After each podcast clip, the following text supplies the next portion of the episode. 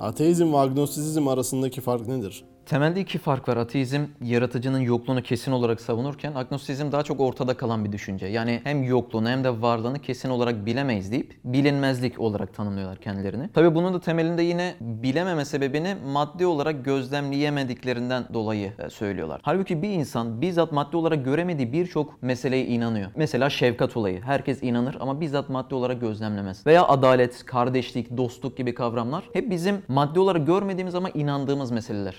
Görmediğimiz meseleler aslında bizler zaten inanan kişileriz. Ama ne oluyor? Burada yaratıcı noktasında böyle bir düşünceleri var. Onun için agnostizm düşüncesi bu noktada yanlış bir düşünce diyebiliriz. Niye? Çünkü ortada birçok bilgi var. Mesela bir polis bir araştırma yaptığında delil toplar değil mi? Mesela ayak izine bakar, parmak izlerini toplar. Bunun gibi yüzlerce delili gördükten sonra bizzat suçluyu maddi olarak görmedim. Onun için bu deliller kenara atılmalı ve asla bilemeyiz diye bir duruma gitmez. O delillerden sonra akli olarak bir çıkarım yapar ve o suçluyu bizzat bu delillerden kaynaklı bulabilir. Yani bilgi varsa bilinmezlik ortadan kalkar. Neden ortada kalınamasın? Bilemem demek de mantıklı bir cevap değil mi?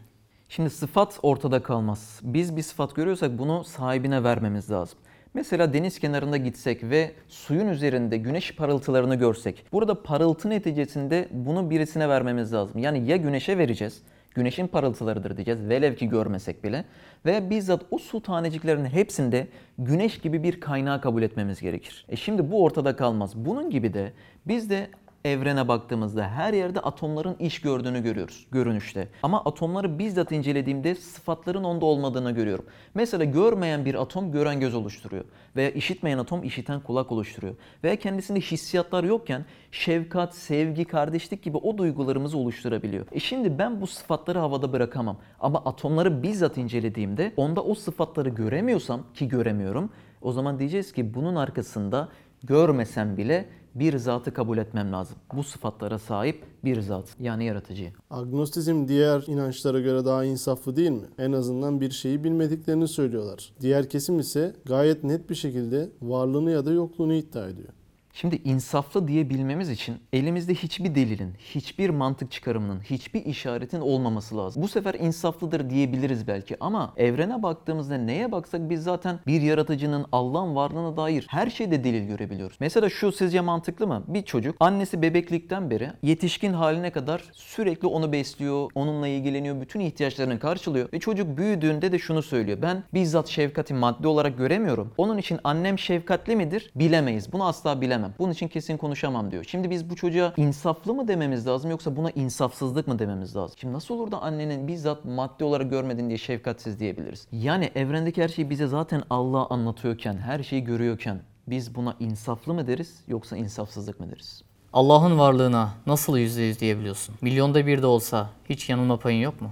Yanılma payım yok. Niye? Varlığına dair her şey bana bizzat Allah'ın varlığını gösterirken kesin olarak diğer yönden de yokluğu halinde imkansızlıkların olduğunu da kesin olarak biliyorum. Mesela varlığını zaten konuştuk. Bu durumu konuşalım istiyorsanız. Mesela yokluğu halinde birçok çelişki olacaktır. Bunlardan bir tanesi hakim mahkum çelişkisi. Bir şey aynı anda hem hakim hem de mahkum olamaz. Mesela bir binaya baktığımızda tuğlalardan oluşur değil mi? Tuğlaların hepsi birbiriyle aynıdır. Aynı maddeden oluşmuştur. Şimdi bu tuğlalara baktığımda dış tarafta bir mimarı kabul etmezsem bu tuğlaların bizzat bunu yapması muhaldir. Niye? Çünkü bir tuğla aynı anda her birisine hem hakim olması lazım, hakimi mutlak hem de her birisine mahkumu mutlak olması lazım. Niye? Çünkü kim emir verecek, kim emir uygulayacak? Hangi tuğla her birisini kontrol edecek? Aynı anda nasıl olur da diğerlerinden emir alacak? Yani bu örnek gibi hakim mahkum çelişkisi olduğundan dolayı bir yaratıcının yokluğu halinde atomları düşündüğümde her bir atom hem hakimi mutlak olması lazım hem de mahkumu mutlak olması lazım ki bütün evrende sürekli olarak bu işleyişi devam ettirsin ve sistemi yönetebilsin. Bu da çelişkidir. Demek ki atomların her birisi mahkumdur. Her birisini idare eden bir mimar örneğindeki gibi bir yaratıcının olması lazım. Daha bu konuda çok konuşabiliriz ama dediğim gibi süre sıkıntısı var. Kafanızda oluşturduğunuz bir Allah'a inanıyorsunuz. Bunların hepsi sizin birer algınızdan ibaret.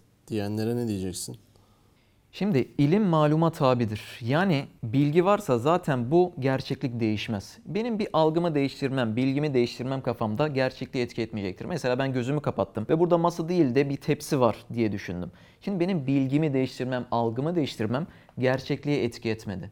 E bunun gibi de zaten evrende biz hayalden bahsetmiyoruz. Gördüğümüz birçok maddi özelliklerden de bahsediyoruz. Evrenin her kısmından da bahsediyoruz ve yaratıcıyı öyle ispatlıyoruz. Şimdi bir kişinin algısıyla alakalı var desin, yok desin, kendi kafasında bir şey kursa da bu gerçeklik değişmez. Çünkü bunlar herkesin kabul ettiği ve bizzat evrenin kendisinin şahitlik ettiği bir meseledir. Yani yaratıcının varlığı açıktır. Kişinin algısına göre değişmez. Zaten bu çok samimi de değil. Çünkü o zaman her şey algıdır deyip insanın hareket etmemesi lazım. Mesela insan acıktığında yemek yemeye gider. Bu bir algıdan ibarettir deyip hareket etmemezlik yapmaz. Veya hastalandığında ilaca müracaat eder. E şimdi bu algıdır deyip bunlar hepsi de algıdan ibarettir deyip hareket etmemezlik yapmaz. Yani bunun gibi biz olay yaratıcıya gelince Allah'a gelince sanki burada şeytanın bir oyunu varmış da insanlar aldanıyormuş gibi geliyor yani açıkçası. İnsanlara ya yoksa diye gelen vesveseler kişiyi dinden çıkartır mı? Agnostik yapar mı? Adı üstüne zaten bu mesele vesvesedir. Yani kişinin istemi dahilinde olmayıp beyninde dönen düşüncedir. Bu hiç zarar vermez. Kişiyi de dinden çıkarmaz. Bunu şöyle örneklendirebiliriz. Mesela Galatasaraylı birini düşünün. Şimdi bu kişinin beyninde Fenerbahçe'nin 100. yıl marşı sürekli çalsa bu kişi Fenerbahçeli olur mu? Tabii ki olmaz. Bu sadece istemsiz olarak beynine dönen bir ezgidir. Onun fikrini değiştirmiş olmaz. Hep bunun gibi de aklında dönen bu gibi şeytanın fısıltıları ya yoksa ya doğru değilse gibi gelen kontrol edemediği düşünceler o kişinin fikrini değiştirmez ve dinden de çıkarmaz. Kişi bunu bizzat kabul edip benimseyip ve bunu böyle kabul ede ede yaymadıkça bu noktada sıkıntı olmaz. Önemli olan nokta bunun vesvese olduğunu bilmek ve İslamiyet'teki delilleri kişinin araştırmasıdır.